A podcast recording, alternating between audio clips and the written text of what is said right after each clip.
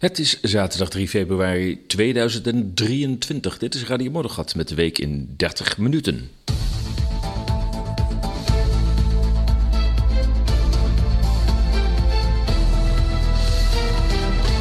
En in deze uitzending in ieder geval praten we over de Pfizer-directeur die uh, wilde opscheppen. En we besteden ruim aandacht aan Rusland, het bedrog van Rusland, maar ook weer het verhaal van de gewone Rus. Dit in dit half uur van Radio Moddergat. Een op het eerste gezicht onopvallende ontmoeting in een New Yorks restaurant heeft geleid tot grote commotie. In het gesprek was Jordan Tristan Walker, Pfizer Director of Research and Development, Strategic Operations en mRNA Scientific Planner, uitgenodigd voor wat is gaan heten een date. Trots als een pauw vertelde hij dat zijn bedrijf werkte aan het creëren van varianten van het COVID-19-virus. Citaat: Vertel het niemand. Beloof me dat je het aan niemand vertelt. De manier waarop het experiment zou werken is dat het een virus in apen stopt en wij zorgen er achtervolgens voor dat ze, bij elkaar, dat ze elkaar blijven infecteren. En verzamelen seriële monsters van hen. Einde citaat. In een opgezet gesprek nodigde het onderzoeksplatform Veritas Jordan Tristan Walker uit voor een dateafspraak, voor een gesprek. Op tafel lag ongezien een minicamera en een microfoon. Blijkbaar was de sfeer zo ontspannen en de drang om indruk te maken zo hoog dat Walker wel heel pikante bedrijfsgeheimen prijsgaf. Citaat: Walker. Een van de dingen die wij onderzoeken is waarom muteren we het virus niet zelf? Zodat we preventief nieuwe vaccins kunnen ontwikkelen, toch? Dus dat moeten we doen. Als we dat echter gaan doen, is er een risico, zoals je je kunt voorstellen. Niemand wil een farmaceutisch bedrijf hebben dat een fucking virus muteert. Einde citaat. Verder, zei Walker, citaat. Je moet heel beheerst handelen om ervoor te zorgen dat het virus dat je muteert niet iets creëert dat overal naartoe gaat. Wat, vermoed ik, de manier is waarop het virus begon in Wuhan, om eerlijk te zijn. Het is niet aannemelijk dat het virus uit het niets is opgedoken. Dat is bullshit, zei Walker. Ja, het is een heel pikant gesprek. Eh, meer daarvan vind je uiteraard op de website uh, esas.nl. Dus kijk er even voor het hele verhaal. Maar dan zie je ook de video van Veritas, hoe dat in zijn werk is gegaan. Pfizer heeft natuurlijk uh, gereageerd. Dat uh, kon niet uitblijven. En die zei: Bij voortdurende ontwikkeling van het Pfizer-BioNTech COVID-19-vaccin heeft Pfizer geen gain of function of gericht evolutieonderzoek uitgevoerd. In samenwerking met medewerkers hebben we onderzoek uitgevoerd waarbij het oorspronkelijke SARS-CoV-2-virus is gebruikt om een spike-eiwit uit nieuwe zorgwekkende varianten tot expressie te brengen. Let op de termen. Dit werk wordt uitgevoerd zodra een nieuwe variant van zorg is geïdentificeerd door de volksgezondheidsautoriteiten. Ik spreek nog steeds namens Pfizer. Dit onderzoek biedt ons een manier om snel het vermogen van een bestaand vaccin te beoordelen om antilichamen te induceren die een nieuw geïdentificeerd, uh, geïdentificeerde variant van zorg neutraliseren. Een zorgelijk geïdentificeerde variant neutraliseren moet het natuurlijk zijn. Vervolgens maken we deze gegevens beschikbaar via peer-reviewed wetenschappelijke tijdschriften en gebruiken we deze als een van de stappen om te bepalen of een vaccin-update noodzakelijk is. Al dus, Pfizer. Ik heb altijd even een kopje koffie tijdens deze uitzending. Ik weet niet waarom ik dat nou nu moet doen. Maar ja, het hoort er ook wel een beetje bij, toch? Ja, ik, eh, eerlijk gezegd, als ik dit zo lees, dan weet ik ook eerlijk gezegd niet wat ik, eraan moet, uh, wat ik ervan moet denken. Project Veritas heeft belangrijke feiten rondom uh, de COVID-injecties naar boven gebracht. Toch is er iets aan het gesprek wat, wat voor mij althans ongemakkelijk aanvoelt. Omdat Walker niet direct betrokken is bij datgene waarover hij vertelt. Kan hij de klok hebben horen luiden, niet wetende waar de kleep hangt? Dat kan de situatie zijn. Aan de andere kant hebben de farmabedrijven een geschiedenis van leugen en bedrog. Dus ja, als het waar is, zou het me ook niet eens verbazen. Ja, we gaan naar Rusland of eigenlijk naar Oekraïne. Of eigenlijk naar Polen, of eigenlijk naar Duitsland, of eigenlijk naar de Verenigde Staten. We gaan naar een conflict dat langzamerhand toch wel een mondiaal conflict wordt. Dat noemden we ooit een wereldoorlog. Um, en blijkelijk uh, zijn er nog steeds uh, veel politici die graag nog een beetje olie op het vuur gooien. Onze eigen minister-president zei onlangs nog: We gaan gewoon winnen. Whatever it takes. Dat is dan een andere uitspraak. Maar op de een of andere manier zit er een soort beleving van dit conflict van een soort voetbalwedstrijd. En um, ja, als je dan hoort dat er tussen de 125 en 150.000 Oekraïnse soldaten of dood zijn of vermist. En waarschijnlijk is te verwacht zo'n 10, 15 procent daarvan aan de Russische zijde. Dan moet je toch constateren dat we met een extreem bloedige oorlog weer bezig zijn. En dat we weer types hebben in onze overheden die dat lopen aan te moedigen. Het is echt verschrikkelijk. Om nog maar eens een ander voorbeeld te noemen: een Pools parlementslid. Die zei van de week: Rusland moet voor altijd vernietigd worden. Ja. En eerlijk gezegd, als ik zelf naar de hele situatie kijk, dan heb ik het idee dat, dat deze oorlog steeds meer op de Tweede Wereldoorlog begint te lijken. In haar, niet in haar vorm, maar in haar doelstellingen. Een paar punten daaruit is dat de financiering, de financiering van de Tweede Wereldoorlog van Nazi-Duitsland en van Hitler als persoon, als politicus, kwam toch vooral uit, uit westerse bronnen. Engeland, Verenigde Staten. We hebben het dan over banken, maar ook over rijke families. En de bedoeling was om twee mondiale concurrenten tegelijk uit te schakelen door ze gewoon tegen elkaar op te zetten. Duitsland was natuurlijk allemachtig land geworden. Hè. Dat was ooit bestond uit 40 deelstaatjes, maar het was één Duitsland geworden, groot Duitsland ook. En dat was een beetje de machinekamer van, van, van, eh, van Europa, toen al. En uh, Rusland, ja, vol met grondstoffen. Als je die twee nou tegen elkaar opzet en daar wat geld in pompt, dan heb je twee, klap, twee vliegen in één klap. Wel 26 miljoen Russische doden gevallen. Dat wel, en 6 miljoen Joden en Zigeuners. Enfin, we weten 60 miljoen mensen hebben het leven gelaten in de Tweede Wereldoorlog. Maar de doelen zijn nu weer hetzelfde. Het is weer vanuit het Westen aangejaagd en gefinancierd. Weer wordt geprobeerd om via Oekraïne weliswaar, maar Duitsland tegen Rusland op te zetten. Waarbij Duitsland kan blijkt niet meer met machten is om haar geschiedenis nog even in herinnering te roepen.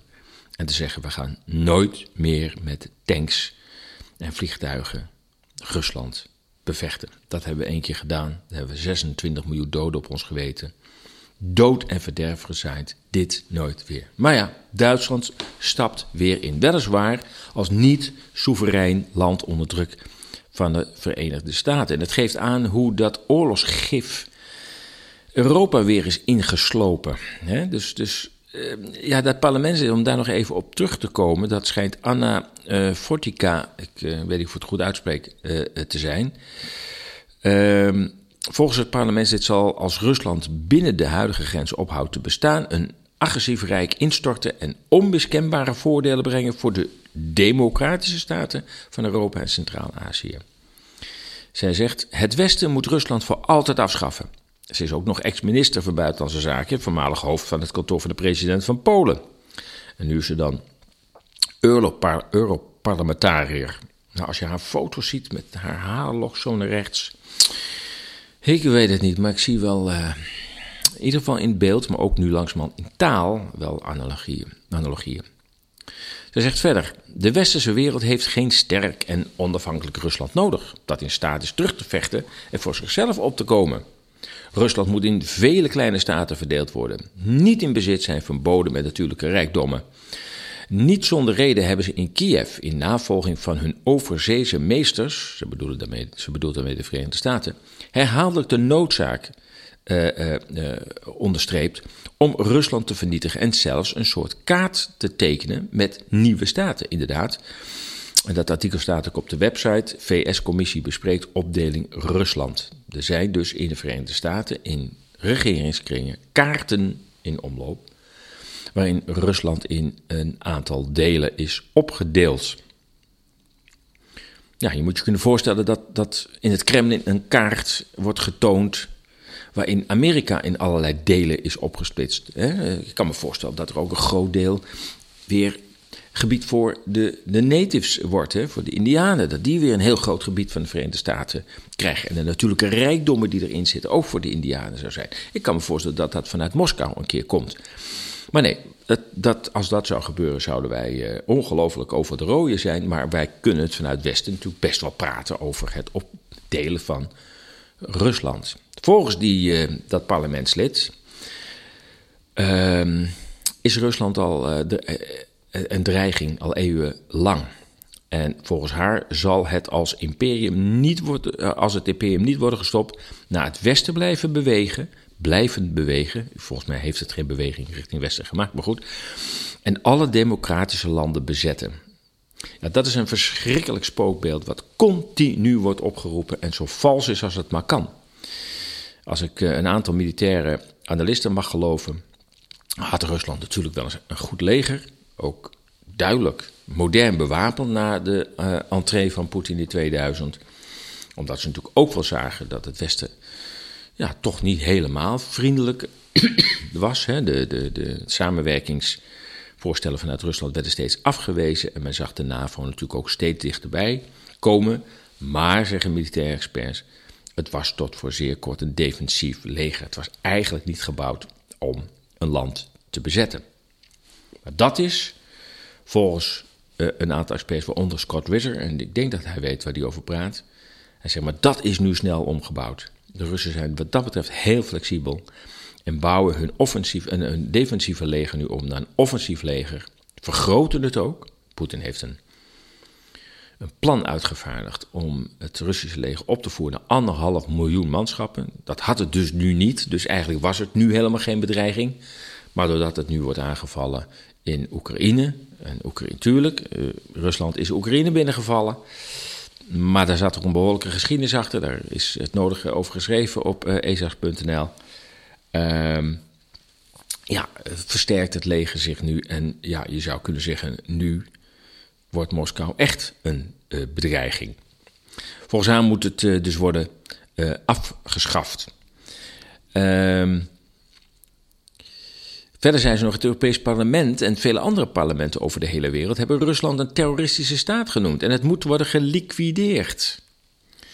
Kun je je voorstellen, als Duitsland nou eens dit soort. Hè, de, de kanselier van Duitsland, heer Scholz, die zegt dat Nederland, dat is toch eigenlijk ja, met dat kinderporno en, en, en, en allemaal eh, het gerommel met geld, uh, belastingontduikingen. Dat is, dat is eigenlijk gewoon.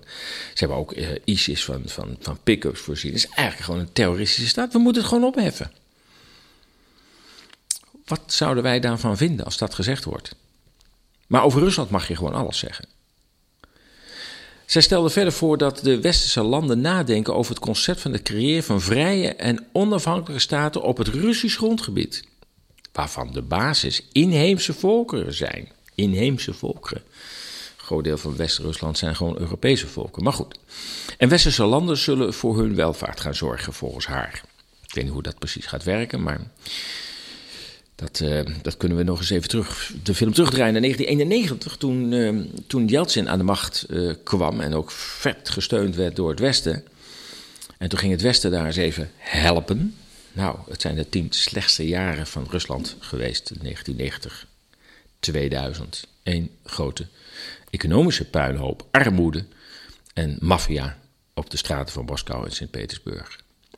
Verder zegt zij: Het Westen zal ook de controle over de rijkdommen van Rusland vestigen, omdat, zoals blijkt, Rusland niets heeft.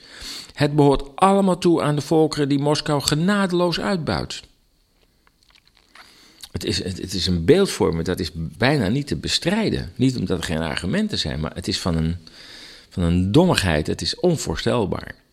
Volgens haar zijn er geen zaken als Russisch gas, Russische olie, Russisch aluminium, Russisch steenkool, Russisch uranium, diamanten, graan, hout, goud. Nee, nee, nee, nee, nee. Al deze middelen behoren toe aan individuele volkeren die in deze gebieden wonen.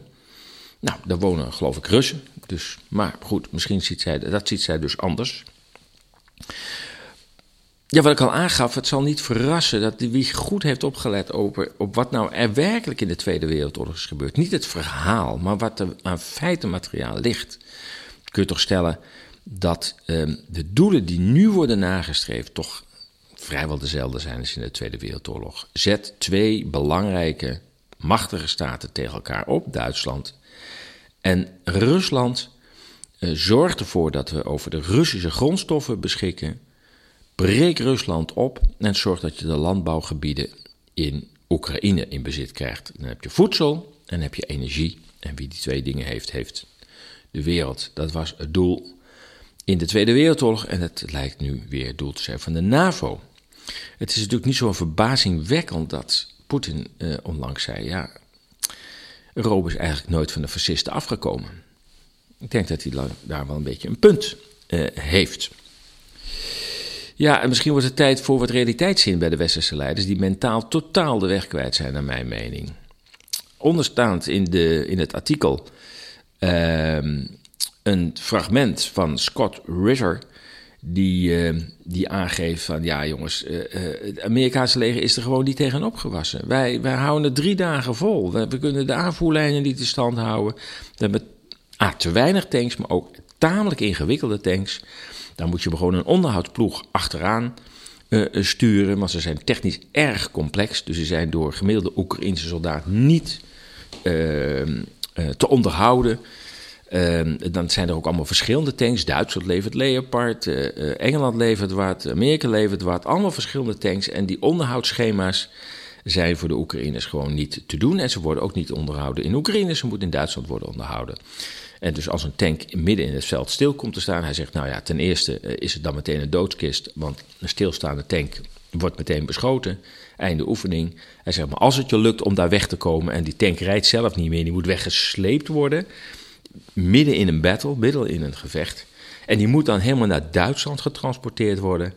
Hij zegt, hou er maar op. Uh, de Russen hebben korte aanvoerlijden. Uh, wij leveren nu 50 tanks bij elkaar opgeteld, bij elkaar opgeteld. Ja, de Russen hebben er een paar duizend staan, dus hou erover op. Uh, dit, dit gaan wij uh, glansrijk verliezen. bovendien is de doelstelling natuurlijk ook giftig om te zeggen dat een ander land moet worden vernietigd. Dan weet je dat dat, ja, dat is een, dat is een vals doel. Dat is echt een vals doel. Er is heel veel over te vertellen. En ehm, een van de zaken is wat ik dan uh, uh, noem het bedrog van Rusland. Want je kunt stellen dat Rusland hier niet zomaar in is gestapt. Het was niet een regenachtige dag waarbij men in het Kremlin een beetje depressief werd en zegt: we moeten weer eens wat doen. Nee, er is wel wat aan de hand. Maar wat nu in Oekraïne gebeurt is niet alleen totaal onzinnig, het veroorzaakt ook een aardverschuiving in Europa en de wereld. We hebben het over geopolitiek. De oorlog is, wat ook beweerd wordt, een door het Westen, door systematische intimidaties, gebroken beloften en bedrog uitgelokt en dus een gewenste oorlog. De NAVO-oefeningen langs de grenzen van Rusland, toevallig in de jaren dat wij met QR-codes en mondkappen werden afgeleid, hebben natuurlijk iets gedaan in Moskou. Duitse straaljagers die over Pools-Russische grens vlogen. Een ongekende provocatie gezien de geschiedenis.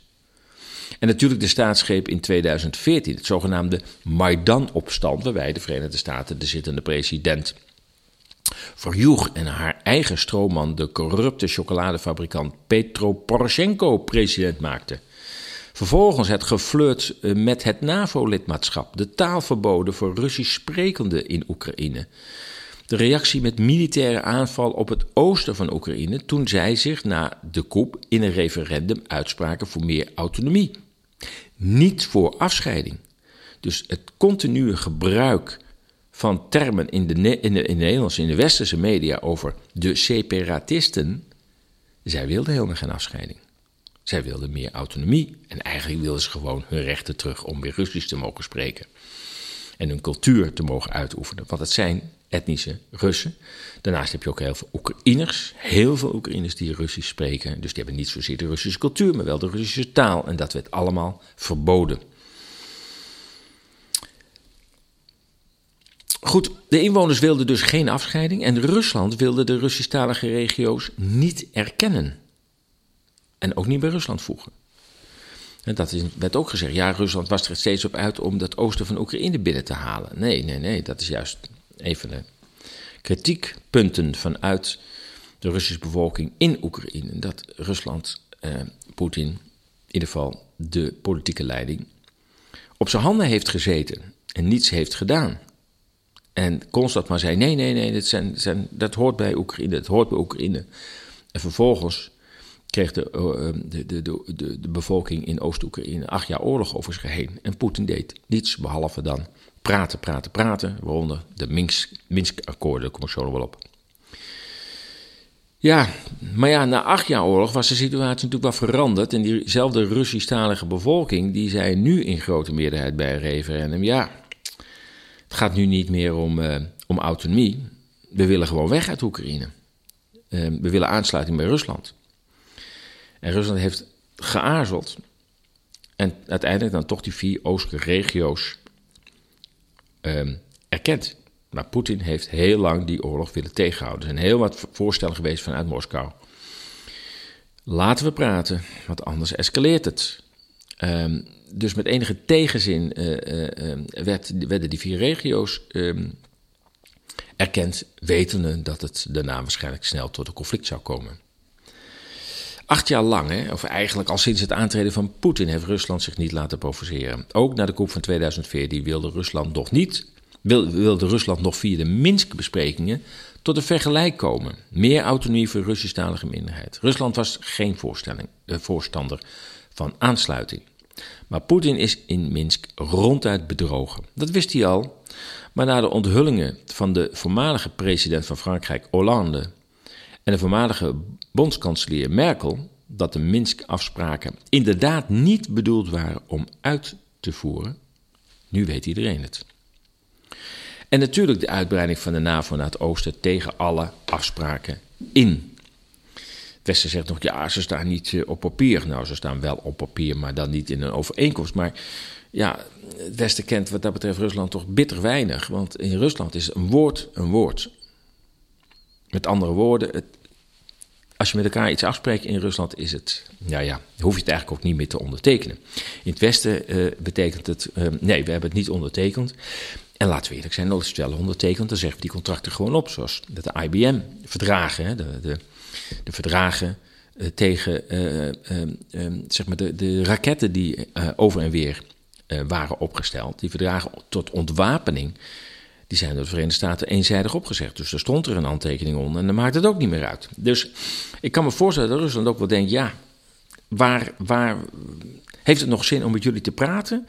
Zelfs een contract zeggen jullie weer eenzijdig op als het jullie zo uitkomt. Nou ja, oké, er zal op dat punt wel aan beide kanten wel wat zijn. Want wij weten ook niet wat voor wapens er weer aan de Russische kant tijdens dat verdrag zijn eh, gebouwd. Dat blijft altijd heel erg uh, moeilijk. Maar je kunt wel zeggen dat keer op keer Rusland door het Westen onder aanvoering van de VS behoorlijk in de maling is genomen.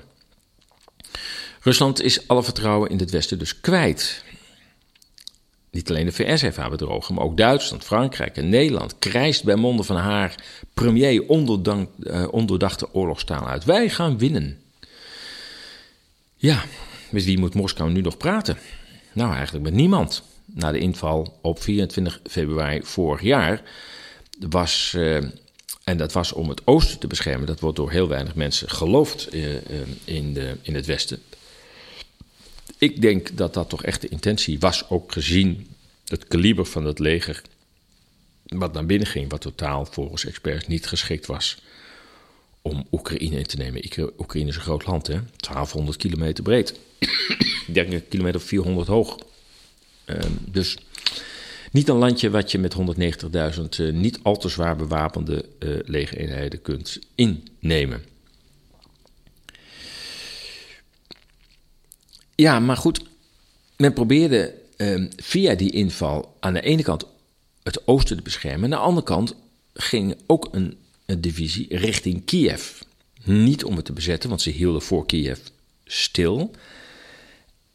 En de gedachte blijkt nu uit uh, bronnen dat uh, Rusland daarmee de bedoeling had om de regering in Kiev te bewegen om te gaan onderhandelen. Want kort voor de inval, eigenlijk in december 2019, nee, nee, nee, nee 2021, heeft Rusland nog voorstellen gedaan voor besprekingen. Die hebben gezegd, nou, dit, dit is onze laatste poging om nog een conflict te voorkomen. En die, ondanks het bedrog van Minsk, ondanks het bedrog, toch nog weer een poging.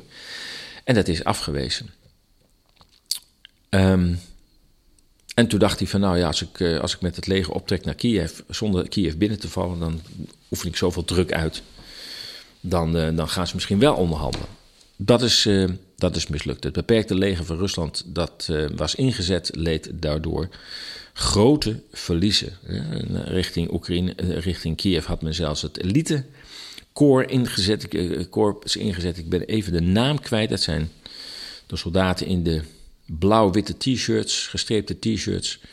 En daar, uh, daar zijn niet zo heel veel mensen levend uitgekomen. Dat uh, was voor Rusland al meteen een enorme tegenslag. En ik geloof dat Poetin wel wat heeft moeten praten om de legerleiding rustig te houden. Om te zeggen, ja, we gaan toch niet voluit, want ik wil dat ze gaan onderhandelen. Maar goed, dat is nu inmiddels helemaal veranderd. De legerleiding is gewisseld, de strategie is aangepast. Rusland heeft geaccepteerd dat zij nu in oorlog is en wel met de NAVO. Nu vallen veel slachtoffers, geschat wordt nu al 125 tot 150.000 doden en vermisten aan de Oekraïnse kant en nou ja, ongeveer 10, 15 procent de Russische zijde. Rusland wil Oekraïne niet bezetten. Het wil de nazi-kliek weg hebben en het leger van Oekraïne vernietigen. En daar is ook heel erg hard mee bezig. NAVO en Oekraïne houden dit niet veel langer vol en zullen een keer aan tafel moeten. Maar hoe langer zij dit conflict laat voortduren, hoe meer vernietiging van het land. En meer dan duizend doden aan de Oekraïnse zijde per dag. Jongen, mannen en vrouwen. Steeds meer willekeur van de straat opgepakt en naar het front gestuurd.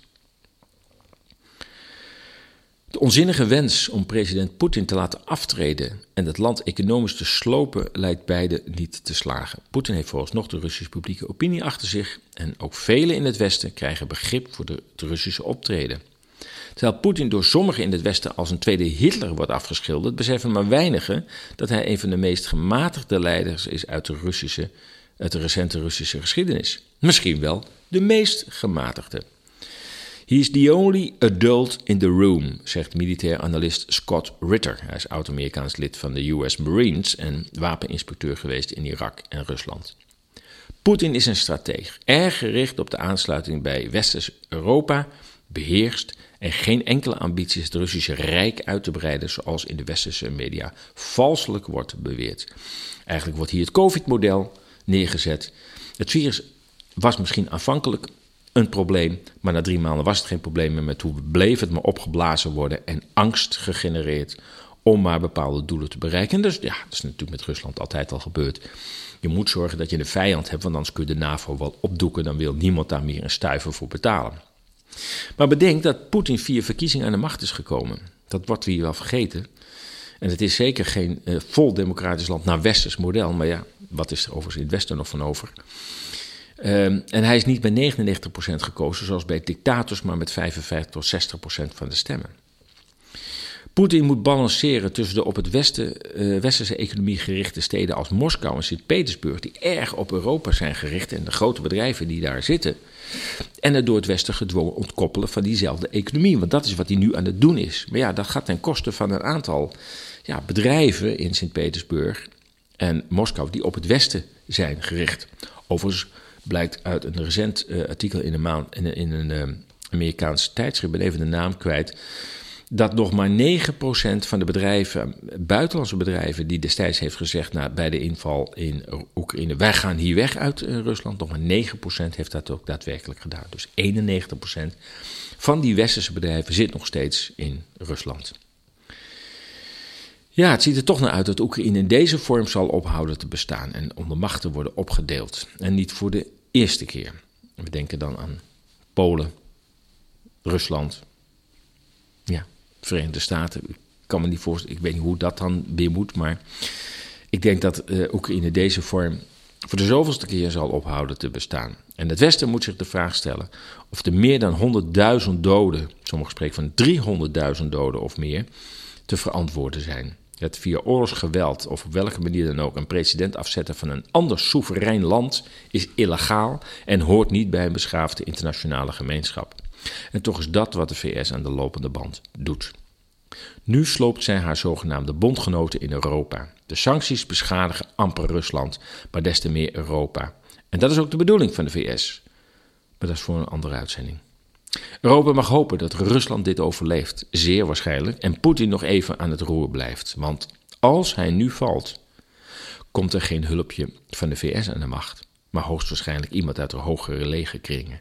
En dan zijn we pas echt in de aap gelogeerd. We zitten al op het half uur en toch wil ik je het verhaal van de gewone Rus niet onthouden. Want wat weten we eigenlijk van Rusland? Als we de media lezen, eigenlijk bitter weinig. Berichten komen niet verder dan het Rusland van Poetin. Alsof er verder niemand woont. Alsof ook de Russische president niet met veel krachten rekening moet houden. Maar kennen we de Rus in de straat eigenlijk? Wat denkt hij of zij? Hoe kijkt de gewone Rus terug op de turbulente jaren 90 waarin het land door een diep dal ging? In een aantal afleveringen zal ik voorlezen uit het indrukwekkende boek Het einde van de rode mens van onderzoeksjournalist Svetlana Alexievich. In 2015 ontving zij voor haar werk de Nobelprijs voor de literatuur. En terecht. Alexievich, ik hoop dat ik het goed uitspreek, laat honderden getuigen aan het woord over hun leven tijdens de Sovjet-Unie en na de val van de Sovjet-Unie. Het gaat om daders, het gaat om hun slachtoffers, aanhangers van Gorbachev en verstokte Stalinisten. Verhalen van een getraumatiseerd volk in een verdeeld land. Dit is uh, de tweede lezing en het gaat over de Holodomor, oftewel de actie van Stalin in Oekraïne om de landbouw te collectiviseren. En omdat de Oekraïners daar niet aan mee wilden werken, heeft hij ze min of meer uitgehongerd. Daarover gaat Holodomor. Mijn moeder heeft me één keer verteld dat ze met mijn vader van een zomervakantie in de Krim waren teruggereisd via Oekraïne. In de jaren dertig.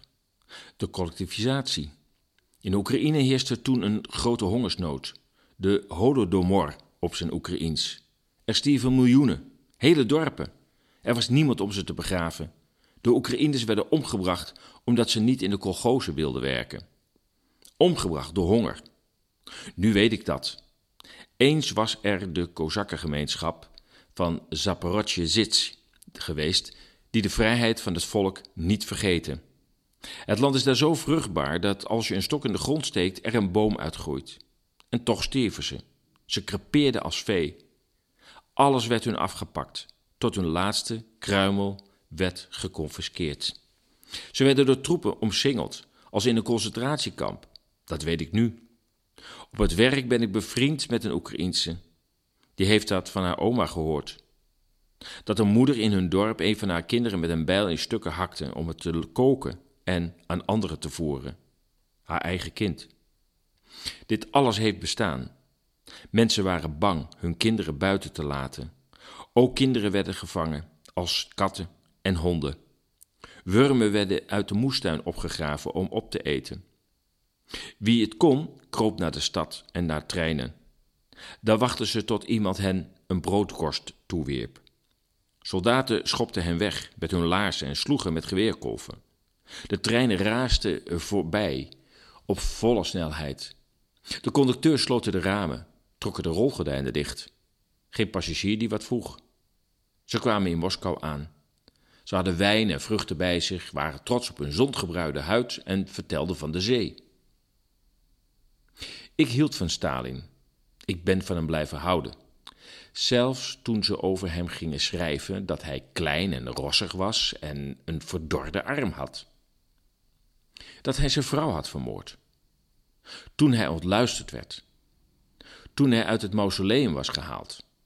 Ik bleef toch van hem houden. Ik ben lang geen Stalin-meisje geweest. Heel lang. Echt heel lang. Ja, zo was ik. Zo waren we.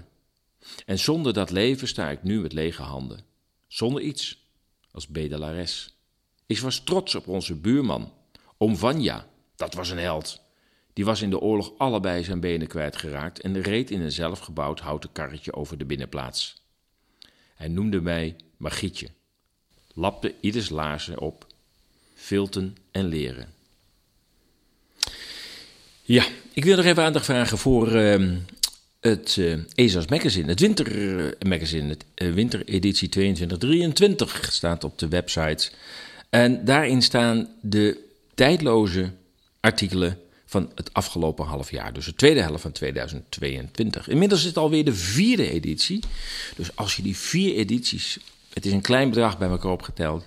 Als je die koopt, heb je een enorm mooi beeld, helder beeld van wat zich de afgelopen twee jaar heeft afgespeeld. Eigenlijk drie jaar moet ik, uh, moet ik uh, zeggen. Maar het zijn vier halve jaren, dus bij wat, wat beschreven wordt in die, in die vier magazines, zijn de afgelopen twee jaar. Elk half jaar uh, geef ik zo'n magazine uit. En ja, daarmee wil ik, wil ik dingen vastleggen, een tijdsbeeld vastleggen. als de website ooit uit de lucht gaat, dan heb je in ieder geval dat tijdsbeeld nog. ook geïllustreerd met foto's. Ehm, voor 9,90 euro heb je het nieuwste magazine. De oudere magazines staan uh, op de website voor 5,90 euro. En het is een PDF, dus dat is ook de bedoeling. Omdat als het gedrukt zou worden, uh, ja, het voor die 99 eigenlijk niet gedrukt en verzonden uh, kan worden. En dan, ja, dan heeft het nog geen enkele nut om, dan heeft het geen enkele financiële bijdrage aan het werk wat ik met, met ESA's doe. Dus vandaar dat het in PDF-vorm is gedaan. En je hebt het ook meteen in, in huis. Het is een tijdloos document. Dus uh, ja, ga naar de website, uh, naar uh, de pagina publicaties en eh, daar staan de vier magazines. Goed, we zijn ruim over de 30 minuten heen. Dat gaat toch geen traditie worden, dit, hè? Eh, dacht ik wel. Het was toch een half uur. Maar goed, hoe dan ook, je luisterde. naar de week in 30 minuten van Radio Moddergat. En Um, wel van uh, eh, 4 februari 2023. Als je deze uitzending hebt gewaardeerd, overweeg dan een donatie, een lidmaatschap van ESA's, aankoop van een van onze magazines of dossiers. ESA's kan niet zonder steun van jou, van u, als donateur of lid. Ondersteun ESA's ook in 2023. Je kunt ESA's volgen via de nieuwsbrief, RSS. En als je niet weet wat dat is, ga even naar de website. Dan wordt het uh, uitgelegd. Echt een zeer handige tool om op de hoogte te blijven. Is geen e-mail. Telegram en Twitter. Kijk voor meer informatie op ezas.nl. Voor nu wens ik je een goed weekend. Blijf waakzaam, blijf sterk en tot volgende week.